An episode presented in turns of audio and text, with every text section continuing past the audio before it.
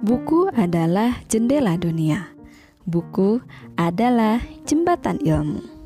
Buku adalah sahabat yang tidak pernah banyak berkomentar. Begitu banyak definisi tentang buku, begitu besar peranan sebuah buku. Melalui podcast ini, saya akan berbagi info isi dari sebuah buku dan menyimpan catatan penting dari buku yang sedang saya ulas. Semoga sahabat pendengar menjadi lebih bersemangat untuk membaca buku setelah mendengar episode kali ini. Mari menyempatkan waktu untuk membaca buku.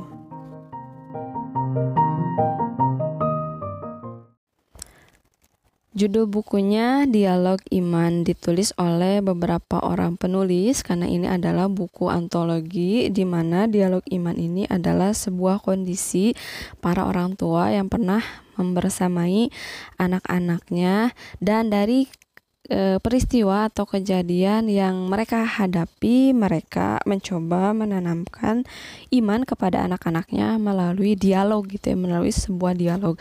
Makanya buku ini disebut dengan dialog iman.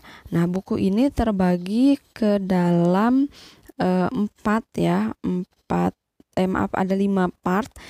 Part yang pertama mengenal kebesaran Allah. Jadi isi part ini ya tentang Allah itu apa, Allah itu melihat gitu dan lain-lain.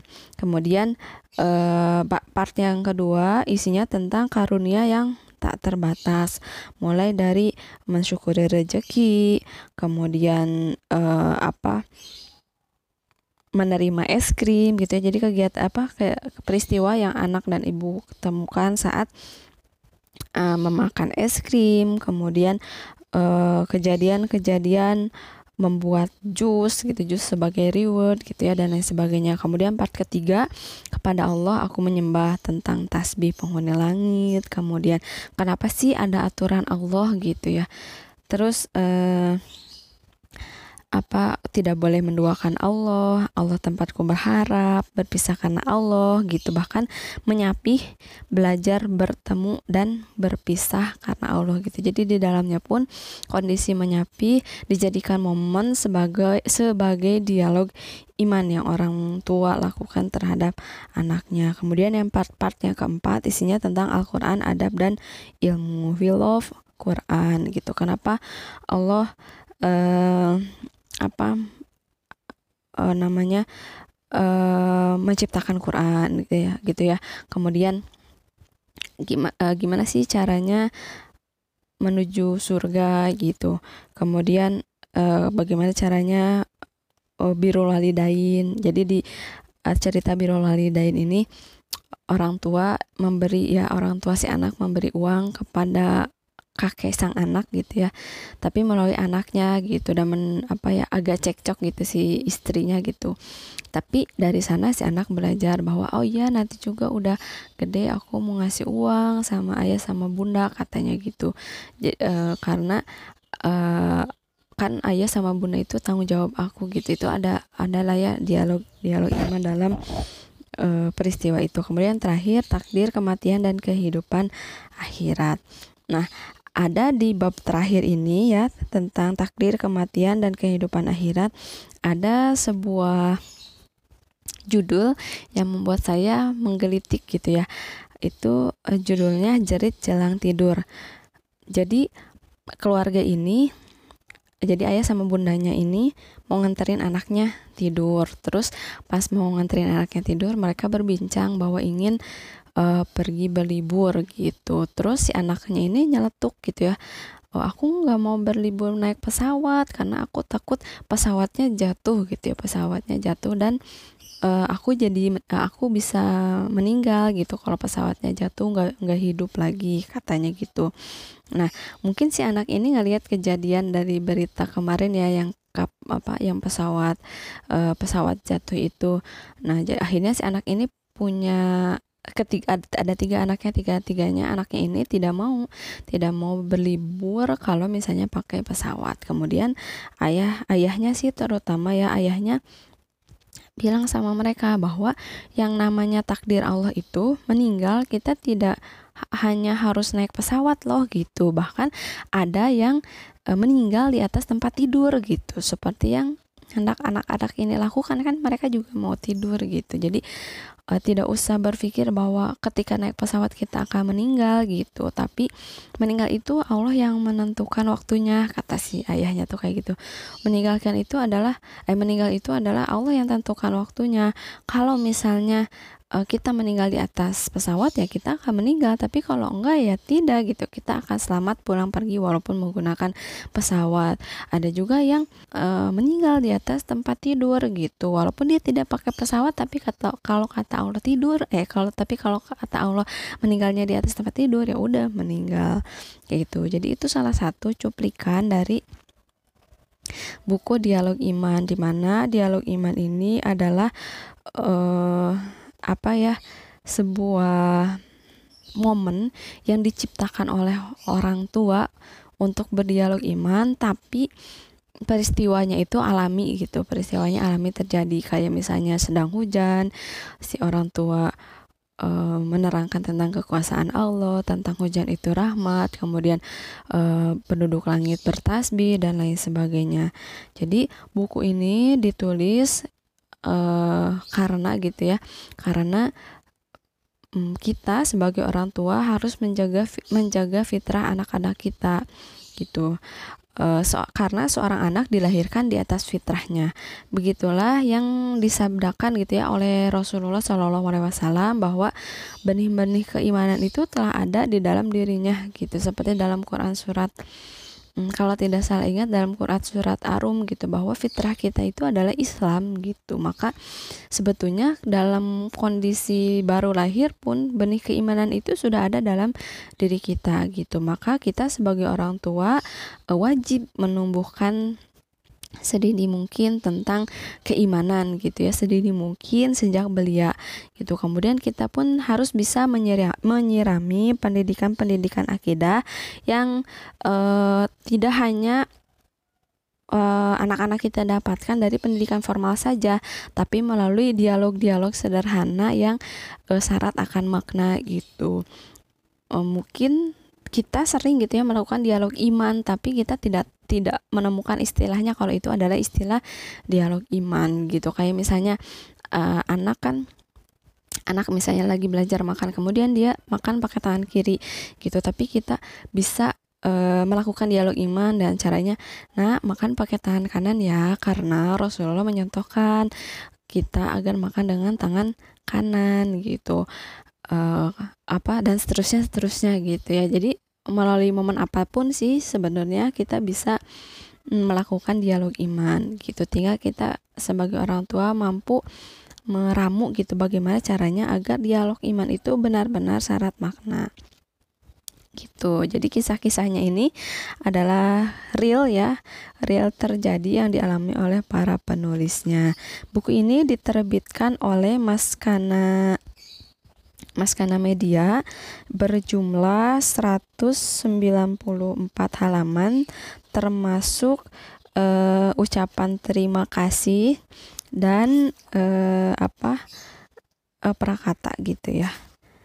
Mungkin itu saja ulasan tentang buku Dialog Iman menumbuhkan iman an menumbuhkan iman Ananda sejak balita.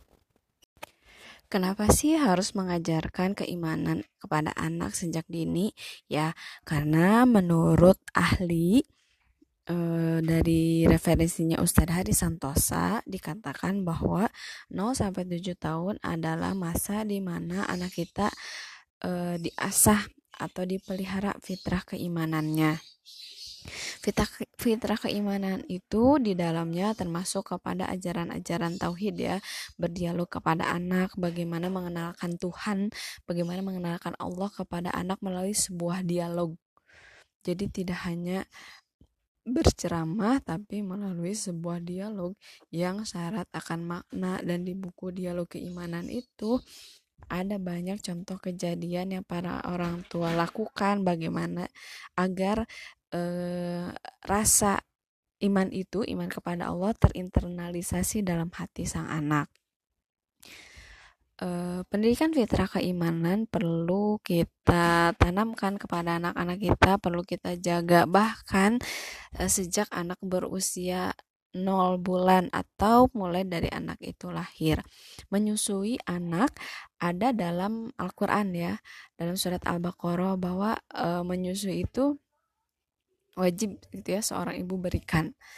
E, tidak boleh ditinggalkan kalau tidak ada alasan syar'i dan jika e, kita ketahui bahwa proses menyusui itu adalah proses menan apa ya, menumbuhkan atau merawat fitrah keimanan kepada anak kita sejak dini.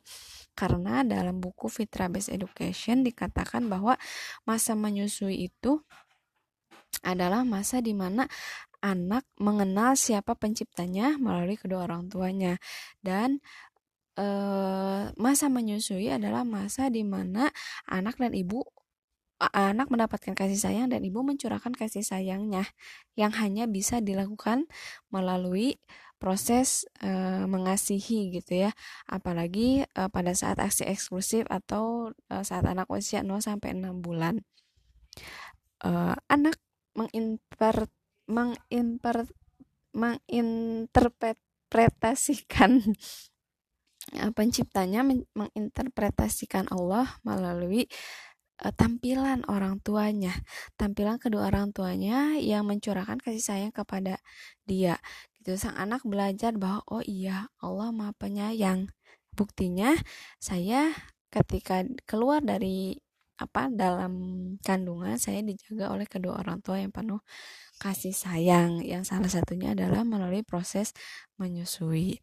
Itu. Kemudian eh, pendidikan im, keimanan atau dialog keimanan juga dilakukan ya kapan pun eh, keadaannya gitu ya. Apa pun kondisinya apa pun peristiwanya coba gitu kita e, beri teladan kepada anak kita agar selalu menghadirkan Allah di mana pun dan kapan pun pada saat apa pun gitu pada saat sedih pada saat anak kecewa pada saat anak e, senang gembira dan lain sebagainya Kenapa sih harus mengajarkan keimanan kepada anak sejak dini? Ya, karena menurut ahli e, dari referensinya Ustadz Hari Santosa dikatakan bahwa 0 sampai 7 tahun adalah masa di mana anak kita e, diasah atau dipelihara fitrah keimanannya. Fitrah, fitrah keimanan itu di dalamnya termasuk kepada ajaran-ajaran tauhid ya, berdialog kepada anak, bagaimana mengenalkan Tuhan, bagaimana mengenalkan Allah kepada anak melalui sebuah dialog. Jadi tidak hanya berceramah tapi melalui sebuah dialog yang syarat akan makna dan di buku dialog keimanan itu ada banyak contoh kejadian yang para orang tua lakukan bagaimana agar eh, rasa iman itu iman kepada Allah terinternalisasi dalam hati sang anak. Eh, pendidikan fitrah keimanan perlu kita tanamkan kepada anak-anak kita perlu kita jaga. Bahkan eh, sejak anak berusia 0 bulan atau mulai dari anak itu lahir. Menyusui anak ada dalam Al-Qur'an ya, dalam surat Al-Baqarah bahwa e, menyusui itu wajib gitu ya seorang ibu berikan uh, tidak boleh ditinggalkan kalau tidak ada alasan syar'i dan jika uh, kita ketahui bahwa proses menyusui itu adalah proses menan apa ya menumbuhkan atau merawat fitrah keimanan kepada anak kita sejak dini. Karena dalam buku Fitra Based Education dikatakan bahwa masa menyusui itu adalah masa di mana anak mengenal siapa penciptanya melalui kedua orang tuanya.